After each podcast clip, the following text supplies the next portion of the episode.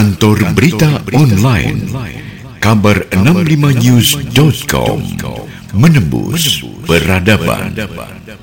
Terima kasih teman-teman media. Kami baru menyelesaikan uh, pertemuan dengan uh, uh, teman-teman bupati, wali kota, gubernur, kapolda, jaksa tinggi, kodam, pangdam, uh, kemudian uh, kementerian lembaga dan juga Kapolri, um, Panglima TNI, Jaksa Agung. Tadi saya sudah nyampaikan apa yang akan juga saya sampaikan pada teman-teman media sekalian. Uh, ini saya mulai dulu uh, apa yang terjadi. Jadi Presiden memerintahkan saya tiga hari yang lalu, dua hari yang lalu untuk menyiapkan penanganan uh, apa namanya Jawa dengan Bali yang kita sebut akhirnya dengan implementasi PPKM darurat Jawa Bali yang akan nanti saya jelaskan uh, secara cepat. Saya kira kita sangat tahu kasus konfirmasi mengalami peningkatan tertinggi selama satu minggu terakhir ini dengan slide ini. Terakhir kemarin 21.800 yang kasus baru dan juga 467 sekian jumlah yang meninggal yang tertinggi di dalam uh, selama satu setengah tahun COVID ini. Dan kalau kita lihat keterisian tempat tidur saat ini melebihi puncak keterisian pasca Nataru. Ini angka Anda bisa lihat yang Nataru yang di tengah ini ada 52 uh, tempat tidur, 52 ribu. Ini ada 76 ribu tempat tidur sekarang terisi atau 230 persen naik. Jadi angka ini memang eksponensial naiknya. Nah, sekarang sudah kita keluarkan dan sudah Presiden memerintahkan uh, kami untuk menyusun ini dan selama empat hari kami susun dengan mendengarkan semua pandangan baik dari epidemiologi, baik dari uh, asosiasi profesi kedokteran, dari um, macam-macam. Uh, ini semua sudah kita dengar dan proses pengambilan keputusan ini kita lakukan secara cermat berangkat juga dari pelajaran kita selama satu setengah tahun dan juga pengalaman-pengalaman negara lain. Sehingga saya pikir eh, apa yang sudah kami siapkan ini, saya kira persiapan apa hal yang paling maksimal dan sudah juga kami laporkan kepada Presiden dan Presiden juga setuju dengan langkah-langkah ini dan Presiden merintahkan supaya kita semua melakukan dengan tegas dan terukur. Tadi kami sudah bicara dengan dengan bicara dengan apa uh, para gubernur dan wali kota bupati dan kita semua sepakat akan melaksanakan ini semua dengan tegas. Ini pelaksanaan uh, kegiatan pada sektor non esensial, saya kira Anda bisa lihat slide, itu 100%. Jadi work from home, kemudian B, pelaksanaan kegiatan belajar mengajar, itu juga sekolah perguruan tinggi dilakukan secara daring online. Kemudian C, pelaksanaan kegiatan pada sektor esensial, saya ulangi ya, sektor esensial seperti keuangan, perbankan, pasar modal, sistem pembayaran, teknologi informasi, dan seterusnya, itu diberlakukan 50% maksimal staff work from home. From office dengan protokol kesehatan yang sangat ketat. Jadi hanya boleh kantor itu terisi 50% untuk tadi itu diberlakukan esensial.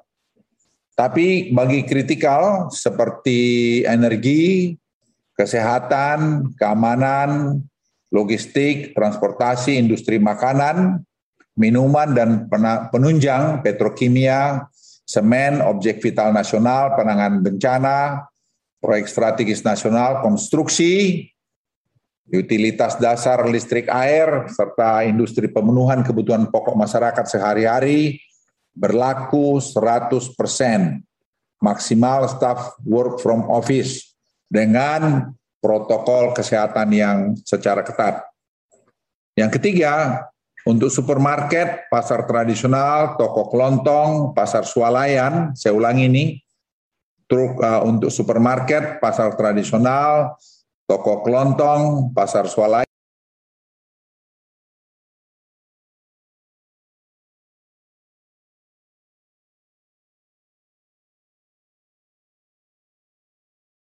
yang menjual kebutuhan dengan kapasitas pengunjung dan apotek dan apotek toko obat buka 24 jam. 24 jam. Kegiatan pada pusat perbelanjaan mall, pusat perdagangan ditutup sementara. Saya ulangi, ditutup sementara. Jadi tidak ada mall yang buka selama sampai tanggal 20. Dan ini kita berharap dalam waktu itu kita bisa akan menurunkan ini sampai mungkin di bawah 10 ribu atau dekat 10 ribu. E, pelaksanaan kegiatan makan minuman di tempat umum, warung makan, rumah makan, kafe, pedagang kaki lima, lapak jalan, jajanan, baik yang berada pada lokasi tersendiri maupun berlokasi pada pusat perbelanjaan mall, hanya menerima delivery takeaway dan tidak menerima makan di tempat atau dine-in. F. Pelaksanaan kegiatan konstruksi, tempat konstruksi dan lokasi proyek beroperasi 100% dengan menerapkan protokol kesehatan secara lebih ketat. G. Tempat ibadah, masjid, musola, gereja, pura, wihara, kelenteng, serta tempat umum lainnya yang difungsikan sebagai tempat ibadah ditutup sementara H. Fasilitas umum, area publik, taman umum, tempat wisata umum, dan area publik lainnya ditutup sementara. Kegiatan seni budaya, olahraga, sosial kemasyarakatan, lokasi seni budaya, sarana olahraga, dan kegiatan sosial yang dapat menimbulkan keramaian dan kerumunan ditutup sementara. Nah selanjutnya J. Transportasi umum, kendaraan umum, angkutan massal, taksi konvensional dan online, dan kendaraan sewa renta diberlakukan dengan pengaturan kapasitas maksimal 70 persen dengan menerapkan protokol kesehatan secara lebih ketat. Untuk resepsi pernikahan dihadiri maksimal 30 orang dengan penerapkan protokol kesehatan secara lebih ketat dan tidak menerapkan makan di resepsi, penyediaan makan hanya diperbolehkan dalam tempat tertutup dan dibawa pulang. Ini juga tadi karena bisa menjadi sumber klaster baru.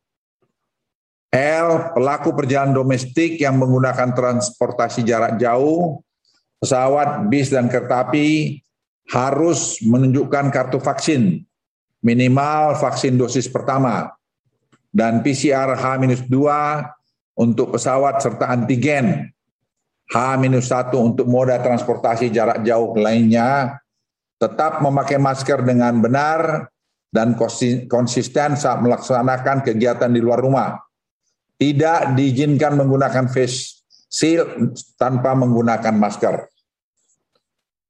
Pelaksanaan PPKM Mikro di RT RW zona merah tetap dilakukan.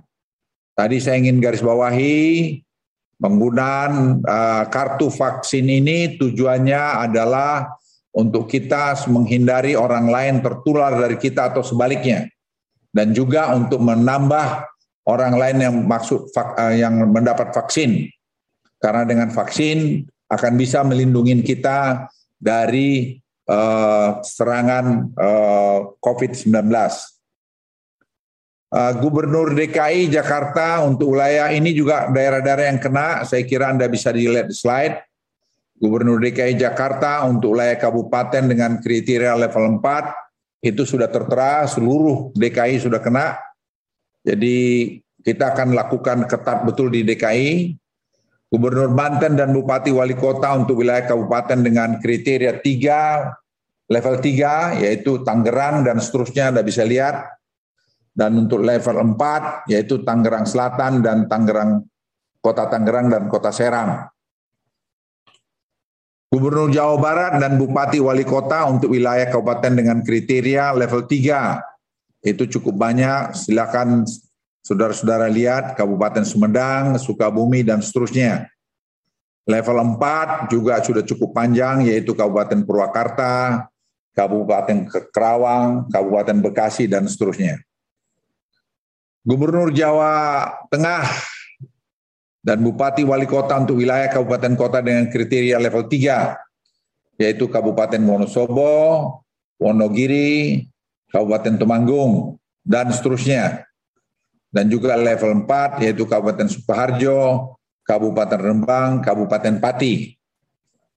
Sedangkan untuk Gubernur Daerah Istimewa Yogyakarta dan Bupati Wali Kota untuk wilayah kabupaten yang dengan kriteria level 3 yaitu Kabupaten Kulon Progo, Kabupaten Gunung Kidul, dan level 4 yaitu Kabupaten Sleman, Kabupaten Bantul, dan Yogyakarta. Gubernur Jawa Timur dan Bupati Wali Kota untuk wilayah kabupaten dengan eh, kota dengan kriteria level 3 yaitu Kabupaten Tuban, Kabupaten Trenggalek, Trenggalek dan Kabupaten Situbondo dan seterusnya. Level 4 yaitu Kabupaten Tulungagung, Kabupaten Sidoarjo, Kabupaten Madiun dan seterusnya.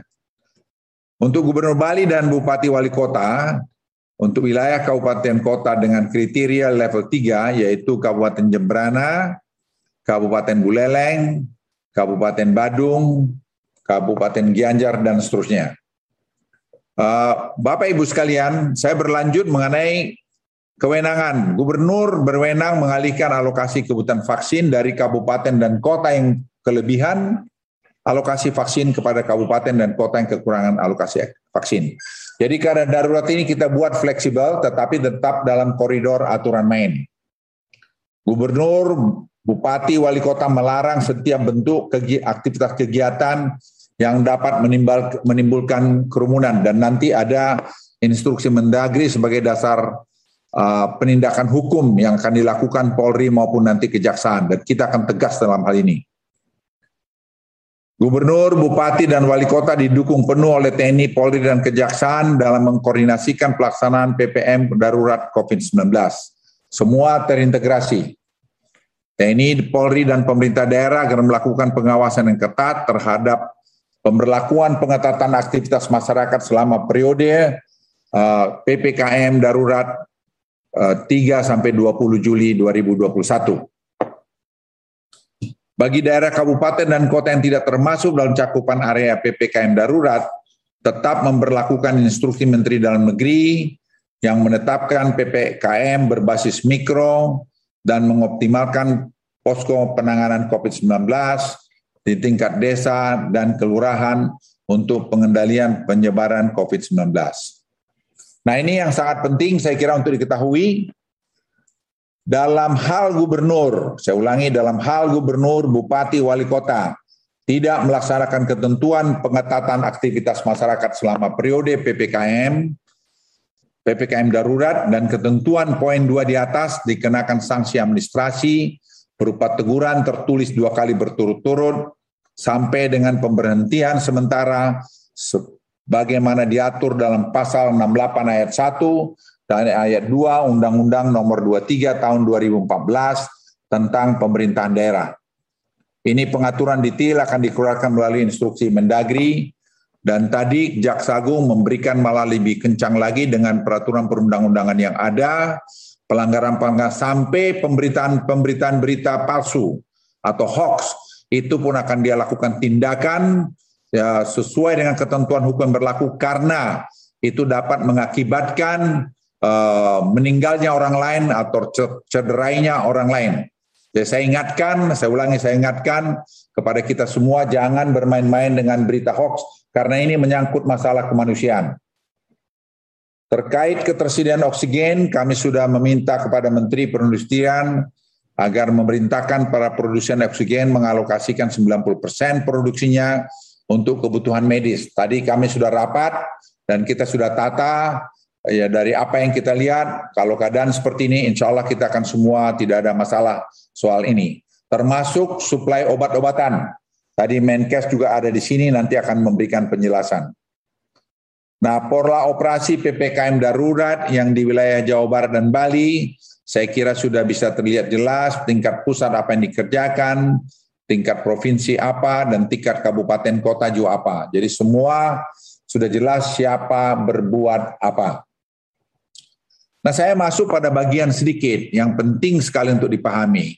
Presiden memberikan instruksi ini bukan sekedar untuk penanganan COVID, tapi juga penanganan khususnya rakyat yang bawah, marginal.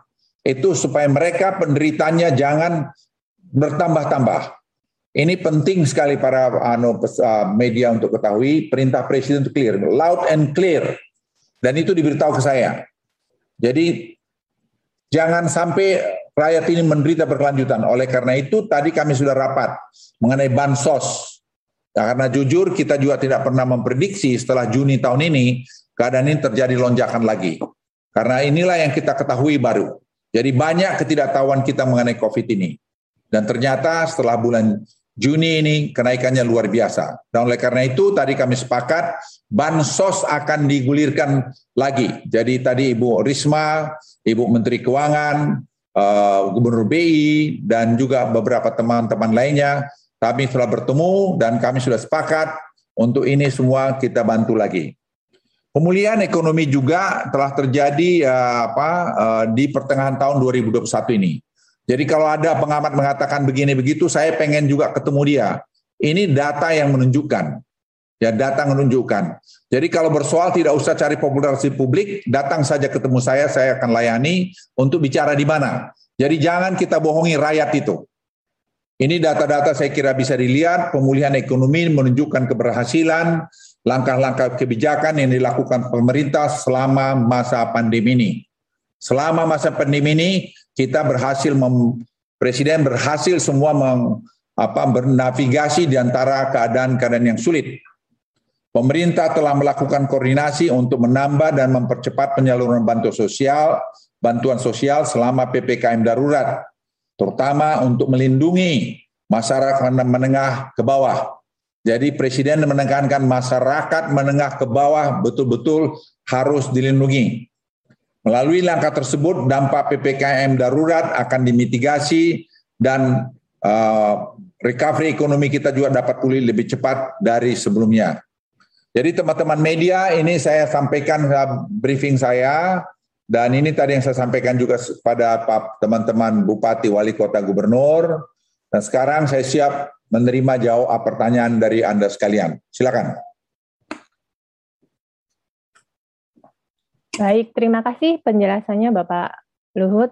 Eh, berikutnya mungkin kami kasih eh, kami berikan kesempatan dulu untuk Bapak Menteri Kesehatan untuk memberikan beberapa bahan yang bisa disampaikan ke teman media.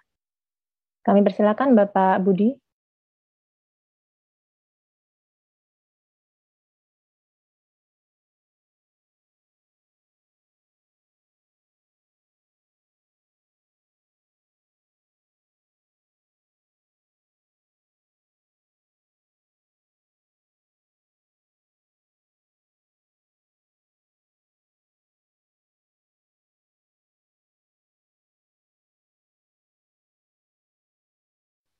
Saya tidak bisa unmute. Uh, terima kasih eh, teman-teman uh, media. Uh, Assalamualaikum warahmatullahi wabarakatuh. Jadi sesuai dengan arahan Pak Menko, kami ingin share sekali lagi teman-teman media kerangka menghadapi pandemi ini. Jadi yang pertama adalah perubahan perilaku atau terkenal dengan 3M, yang kedua adalah deteksi atau 3T, yang ketiga adalah vaksinasi. Itu tiga strategi untuk mengatasi pandemi untuk orang yang sehat. Sedangkan untuk yang sakit, yang sudah sakit ada strategi perawatan atau terapeutik. Untuk teman-teman sekalian, kita pemerintah menjalankan ini sesuai dengan dengan guidance dari WHO berbarengan. Jadi tidak ada satu yang lebih penting dibandingkan yang lain. Di halaman berikutnya, mungkin yang perlu ditekankan di sini adalah atas uh, diskusi dengan Pak Menko, kita juga akan meningkatkan testing dan tracingnya kita sampai 3 sampai 4 kali lipat dari yang ada sekarang. Ya, seperti yang juga dilakukan di negara-negara lain yang sedang naik tinggi kasusnya. Jadi kita bisa harapkan mungkin dari sekitar 100 ribuan sekarang kita bisa naikkan menjadi 400 sampai 500 ribu testing per hari ya kita sudah memberikan guidance sesuai dengan WHO standar. Kalau positivity rate di bawah 5 hanya satu per seribu per minggu. Kalau 5 sampai 15 persen 5 per seribu per minggu dan seterusnya. Jadi banyak daerah-daerah klaster-klaster yang sudah tinggi positivity rate-nya kita harus naikkan itu sampai 15 kali lipat atau 15 uh, tes per seribu populasi per minggu. Prioritas testing juga kita perbaiki. Testing ini untuk testing epidemiologis, bukan untuk testing screening. Ya, jadi benar-benar kita kejar suspek dan kontak eratnya. Bukan yang screening dia mau masuk ke mana, mau jalan ke mana, tapi benar-benar khusus untuk testing epidemiologis. Karena ini yang dibayar oleh negara. Ya, kemudian kita juga akan memperketat bahwa semua orang yang jadi kontak erat itu harus dikarantina dulu supaya tidak menularkan. Dan itu nanti sudah diterjemahkan semua kabupaten kota yang tadi disampaikan oleh Pak Menko ada targetnya testingnya per hari yang harus dikejar. Nah testingnya bisa menggunakan rapid antigen kalau swab PCR-nya lama atau menggunakan PCR, tapi targetnya kita hasil testing harus bisa keluar dalam waktu 24 jam. Jadi kalau PCR yang tidak bisa keluar dalam 24 jam, kita memakai rapid antigen. Kemudian halaman berikutnya yang kita juga ingin sampaikan, untuk daerah-daerah yang tekanan rumah sakitnya sudah tinggi, ada beberapa hal intervensi cepat yang harus kita lakukan. Pertama, kita ingin memastikan bahwa yang masuk ke rumah sakit adalah orang-orang yang memang harus dirawat di rumah sakit. Jadi masyarakat tidak usah panik. Ini teman-teman media tolong sampaikan, kalau tidak ada sesak nafas, kalau saturasi oksigennya masih di atas 95%, kalau tidak ada komorbid, lebih baik dirawat di rumah kalau dia positif atau dirawat di isolasi terpusat seperti Wisma Atlet. Karena kalau mereka masuk ke rumah sakit malah terekspos dengan load virus yang tinggi di rumah sakit. Dan biarkan rumah sakit dipakai untuk tempat orang-orang yang memang harus dirawat sudah masuk kategori sedang ataupun berat. Kalau tidak, masuk saja di rumah. Kemudian kita juga nanti akan mendisiplinkan orang yang sudah bisa pulang, tidak menularkan lagi, kondisinya sudah membaik, kita akan pulangkan. Kemudian yang ketiga, kita juga akan memastikan sudah tadi dikoordinasikan oleh Pak Menko, oksigen itu akan kita rapikan supply dan demandnya untuk seluruh rumah sakit di Jawa. Ya, dan kita akan monitor ketat ini. Kemudian yang berikutnya, kami juga akan menaruh orang di setiap rumah sakit untuk memastikan manajemen ini dijalankan dengan baik. Kalau perlu dengan dukungan TNI dan Polri. Kemudian untuk daerah-daerah seperti Jakarta yang tekanannya sangat tinggi sehingga banyak sekali orang yang diisolasi mandiri, kita akan segera mengeluarkan aturan mengenai telemedicine. Sehingga baik rumah sakit, baik itu startup, eh, baik itu semua perusahaan layanan lain yang nanti kita akan tentukan bisa melakukan layanan secara telemedicine untuk orang-orang yang isolasi mandiri. Termasuk juga pemberian paket obatnya. Sehingga orang yang terkena dia tidak bisa akses rumah sakit, dia bisa dilayani tetap dengan dokter dan diberikan obat. Nanti dokternya akan ngecek statusnya sehingga kita bisa arahkan kapan yang bersangkutan harus masuk rumah sakit atau tidak. Kemudian yang selanjutnya, khusus untuk daerah-daerah yang memang tinggi insidennya, kami menyiapkan tempat isolasi terpusat yang besar. Seperti Wisma Atlet di Jakarta, kita sudah mempersiapkan Nagrak dan Pasar Rumput yang kapasitasnya sama dengan Wisma Atlet. Jadi kita sudah ada dua dua kali ya dua dua, dua kali kapasitas uh, wisma atlet yang sekarang sudah siap ya. Di halaman selanjutnya ini update yang terakhir dan saya mengenai vaksin karena langkah berikutnya adalah kita mempercepat vaksinasi. Strategi yang ketiga ketiga tadi. Vaksinasi ini akan kita percepat supaya kalau bisa di daerah-daerah yang tadi disebutkan oleh Pak Menko 50% dari jatah vaksin kita setiap kali peroleh akan diarahkan ke sana dan kita akan percepat vaksinasinya diharapkan sampai bulan ini dan bulan depan 70% kita targetkan sudah bisa divaksinasi untuk daerah-daerah yang merah tadi. Ini stok vaksinnya kita sekarang ada 22 ribu ya ditambah nanti Juli akan datang 25 ribu jadi kita bisa bisa suntikan lebih dari satu juta dosis per hari. Ya. Selanjutnya, ini kami perlihatkan bahwa sekarang kita sudah suntikan 43 juta dosis untuk 30 juta orang. Untuk informasi Bapak Ibu, kita meraih 10 juta dos 10 juta suntikan itu dalam waktu 8 eh, minggu. Ya, kemudian 10 juta berikutnya 2 4 eh, minggu, sekarang sudah dalam 2 minggu kita sudah naik 10 juta suntikan. Ya, di halaman yang terakhir, saya juga ingin sampaikan bahwa kita sudah tembus dua kali suntikan di atas satu juta. Yaitu di hari Sabtu kemarin 1,4 dan di, di hari kemarin kita juga sudah tembus satu juta. Sehingga diharapkan vaksinasi percepatan vaksinasi ini bisa dilakukan terutama sesuai dengan arahan Pak Menko tadi di lokasi-lokasi yang merah yang PPKM darurat diterapkan. Terima kasih. Terima kasih Pak Menteri Kesehatan. Saya kira teman-teman sudah jelas kita naikkan jumlah vaksin per hari dan saya kira vaksin jumlahnya kita cukup.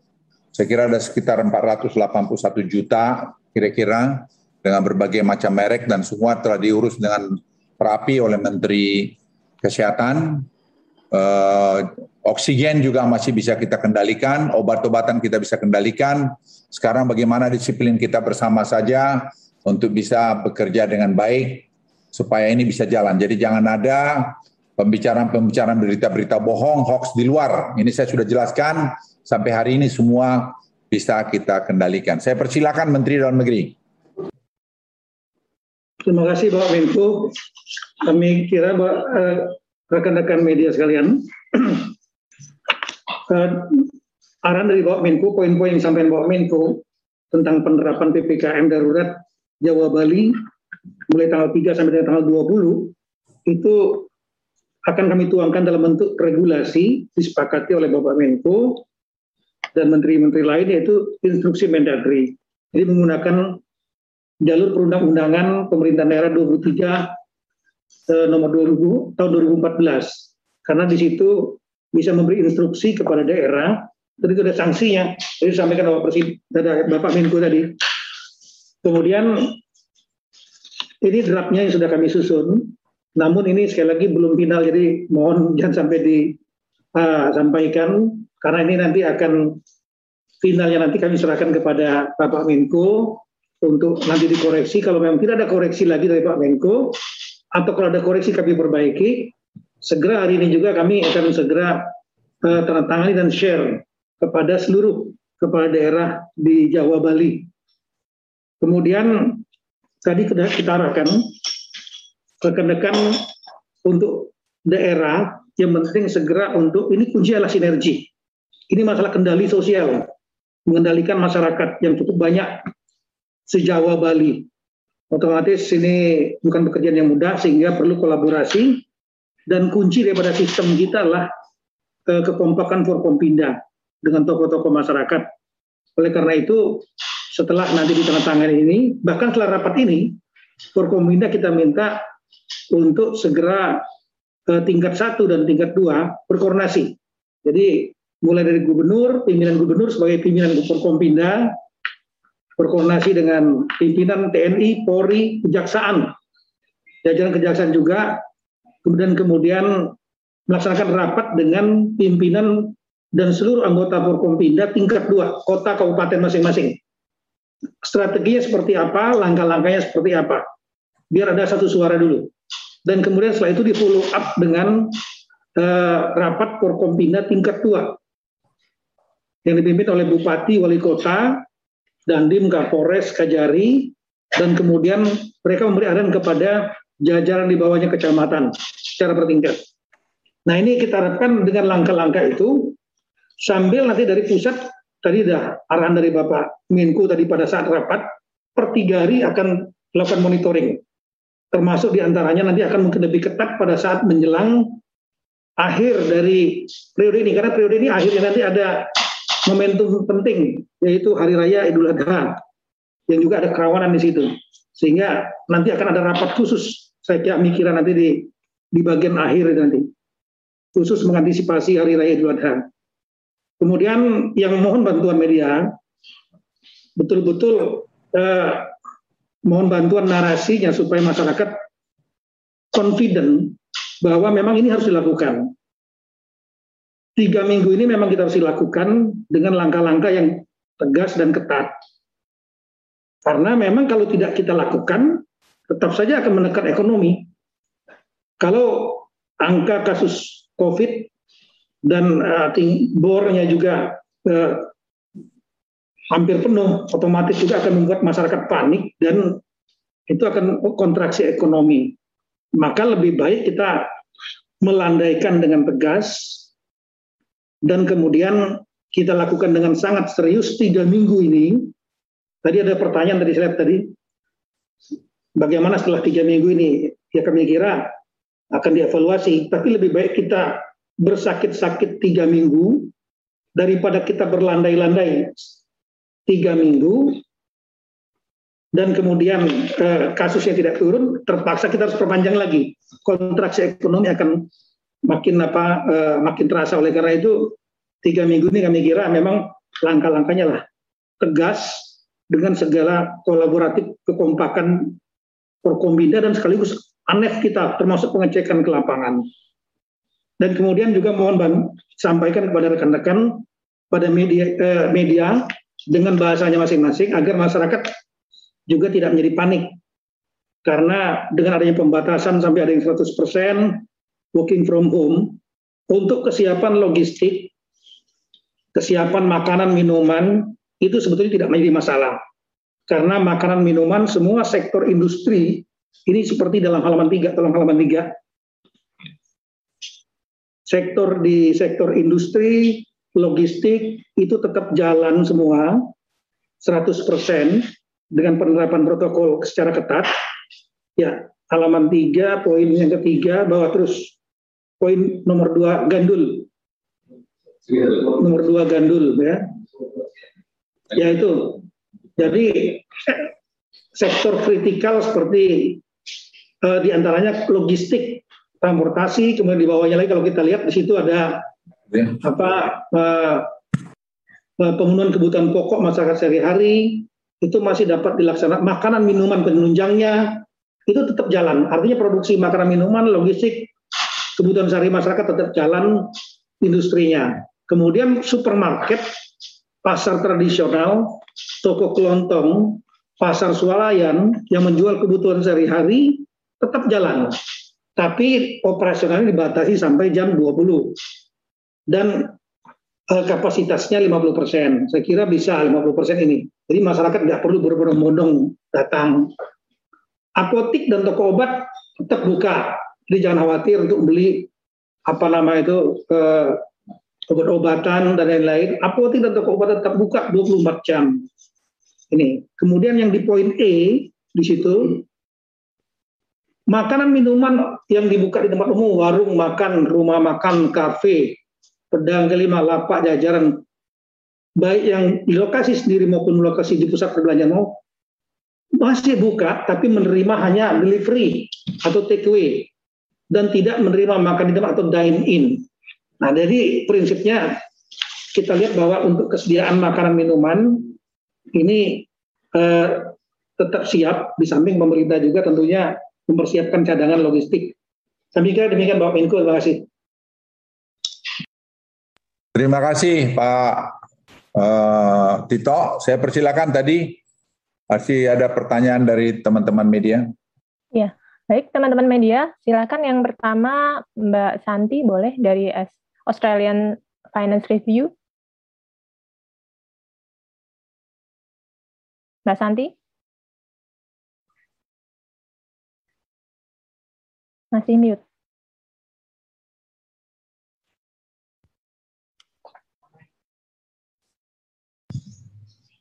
Oke, okay. selamat sore Pak Menko, Pak Menteri. Uh, terima kasih. Uh, uh, pertanyaan saya pertama untuk Pak Menko mungkin soal pembuka reopening Bali ya. Uh, dengan adanya ppkm darurat ini, uh, bagaimana nasib uh, rencana uh, pembukaan kembali Bali yang rencananya kalau Pak Gubernur kemarin bilangnya sih akhir Juli. Uh, untuk Pak Menko demikian. Sedang untuk Pak Menteri Kesehatan, uh, saya ingin bertanya uh, tentang uh, vaksin AstraZeneca. Sore ini ada rencana ada ke, uh, kedatangan vaksin dari Jepang. Pertanyaan saya, adakah uh, AstraZeneca dari Australia? Uh, ada uh, bantuan dari Australia uh, untuk vaksin di Indonesia. Nah, untuk Pak Menteri Dalam Negeri, Pak Pak Tito, saya ingin bertanya tentang penegakan hukum bagi mereka yang melanggar uh, aturan protokol kesehatan. Itu apakah masih sama seperti sebelum uh, masa kedaruratan ataukah akan ada aturan baru uh, uh, yang mungkin lebih tegas? Terima kasih. Kalau tadi Bali, saya kira ya jawabnya Anda sendiri bisa jawab lah. Tidak mungkin dibuka lagi dengan ada delta ini. Jadi kita tidak berpikir ke situ lagi sekarang. Kita sekarang berpikir bagaimana menurunkan, menyuntik dengan menyuntik sebanyak mungkin protokol kesehatan Uh, itu sekarang yang sedang kita lakukan. Terima Jadi, kasih. Resmi ditunda ya Pak Menko? Ya, itu jawab aja sendiri. Jangan saya dong Pak.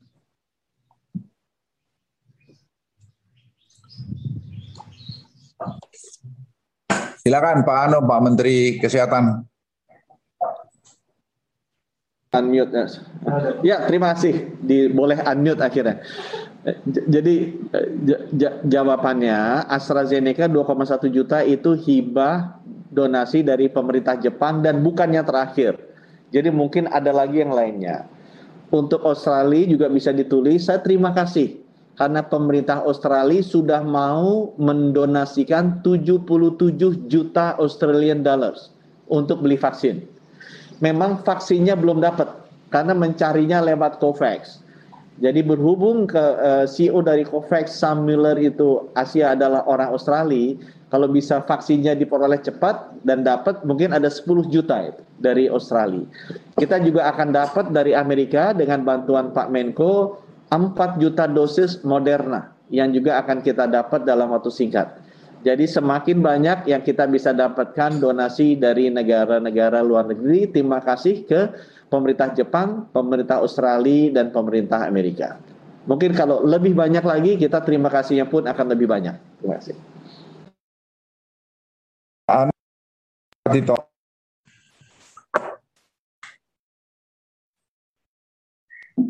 Tetap digunakan undang-undang yang ada.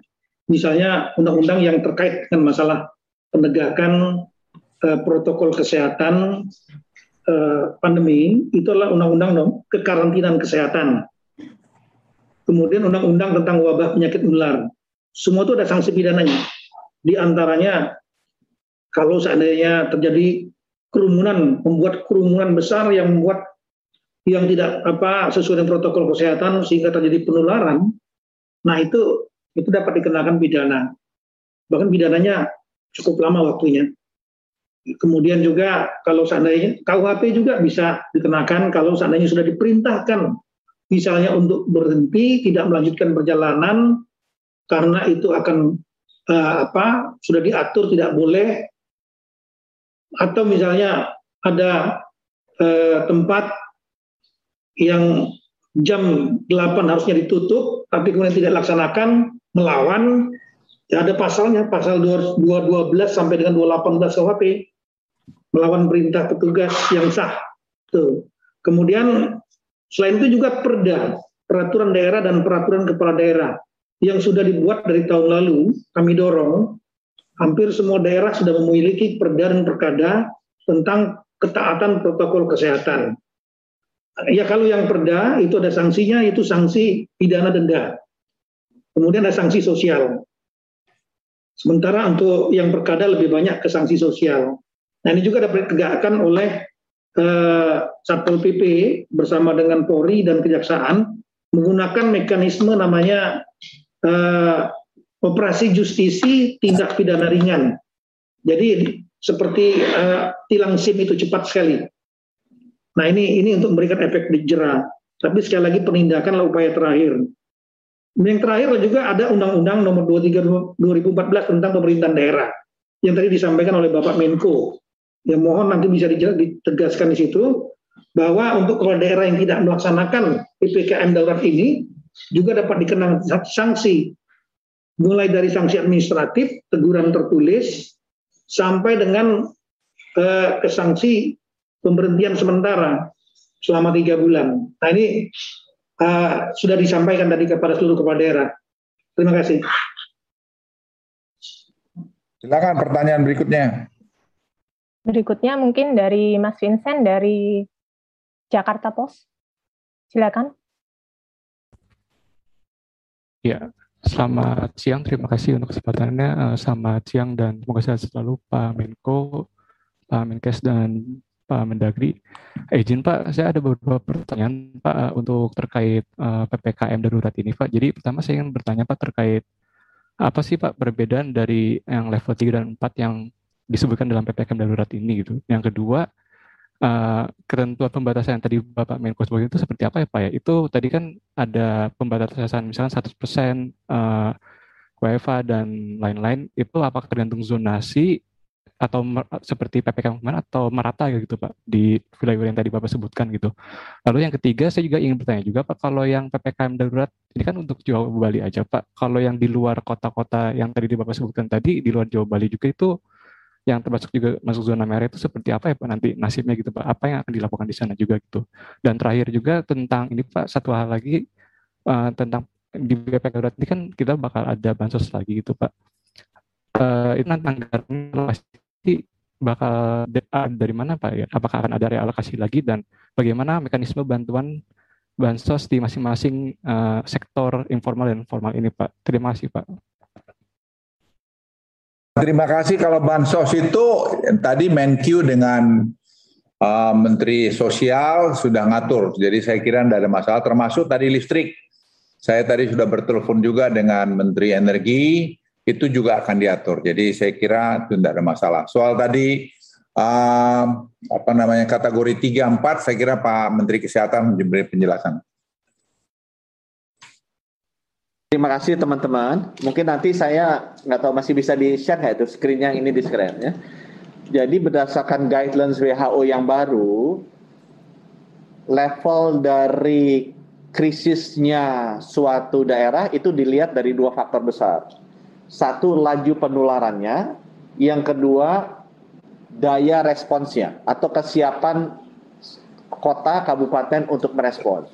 Laju penularan itu di ukur tiga hal, yaitu banyaknya kasus konfirmasi yang mundur sebelumnya dulu.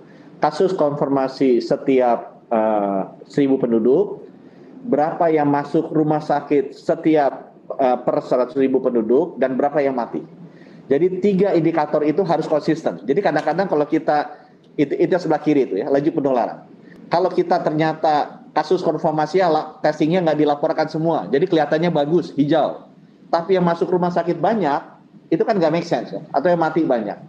Nah akhirnya WHO bilang, untuk indikator grup yang pertama, laju penularan, itu dilihat kasus konfirmasinya berapa. Level 1 di bawah 20 per uh, eh, 100 ribu, level 2 di 20 per 50 dan selanjutnya. Tapi dia cek juga yang masuk rumah sakit berapa, dia cek juga yang wafat berapa. Itu satu grup. ya. Grup yang kedua adalah, itu geser, coba, itu adalah kapasitas responsnya. Jadi berdasarkan bukan itu tadi sih bilang. Jadi berdasarkan berdasarkan uh, laju penularannya, gimana kapasitas respons dari daerah tersebut? Dia kuat apa enggak? Itu diukurnya adalah positivity rate. Jadi dilihat kapasitas testingnya bagus apa enggak. Kemudian dilihat tracingnya, dia bagus apa enggak? Ya kuat apa enggak? Kemudian dari bed occupancy rate-nya kalau sudah masuk rumah sakit diukur apa enggak. Nah dari keenam indikator ini, tiga masuk kelompok yang pertama, indikator laju penularan, tiga itu masuk kelompok yang kedua, indikator kapasitas respons, kemudian kita bisa lihat level 1, 2, 3-nya.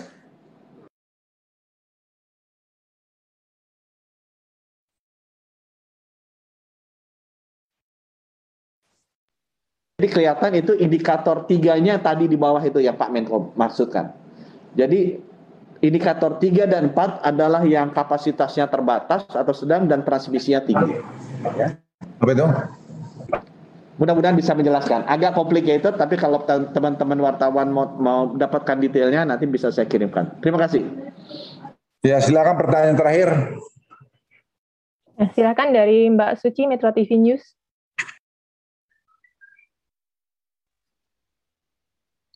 Selamat uh, siang menjelang sore para menteri. Uh, singkat aja Pak, uh, ber, meski berbagai fasilitas ditutup, uh, berdasarkan pengalaman yang sudah-sudah banyak banget masyarakat yang masih den denial Pak dengan uh, COVID, terutama uh, masyarakat di lingkungan padat penduduk. Mereka masih sering berkumpul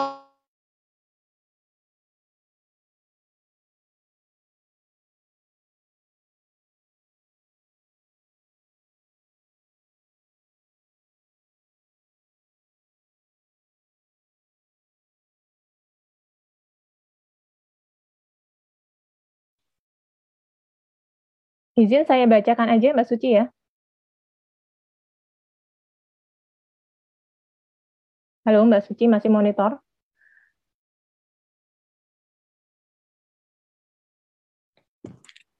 Oke, jadi pertanyaan dari Mbak Suci, izin Bapak-Bapak, e, meski berbagai fasilitas ditutup, tapi berdasarkan pengalaman yang sudah-sudah, masih banyak masyarakat terutama di lingkungan padat penduduk, masih berkumpul di luar rumah, misalnya untuk mengobrol dan lain sebagainya dan tidak menggunakan masker.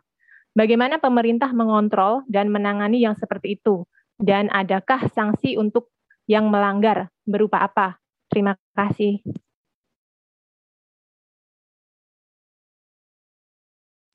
Ya, itu memang kita akan himbau semua apa namanya pemuka-pemuka daerah untuk menyampaikan bahwa hal ini akan berbahaya untuk keselamatan kita rame-rame. Apakah ada sanksinya? Kita akan ada akan berikan sanksi. Ya, sanksinya saya pikir akan dibuat sanksi-sanksi yang mendidik kepada mereka. Baik, mungkin Pak Menkes dan Pak Mendagri ada tambahan? Bahkan dikit saja. Jadi memang uh, dalam rangka penegakan ini, disiplin ini adalah social control mulai dari preventif, pendekatan secara cara persuasif sampai ke cara koersif.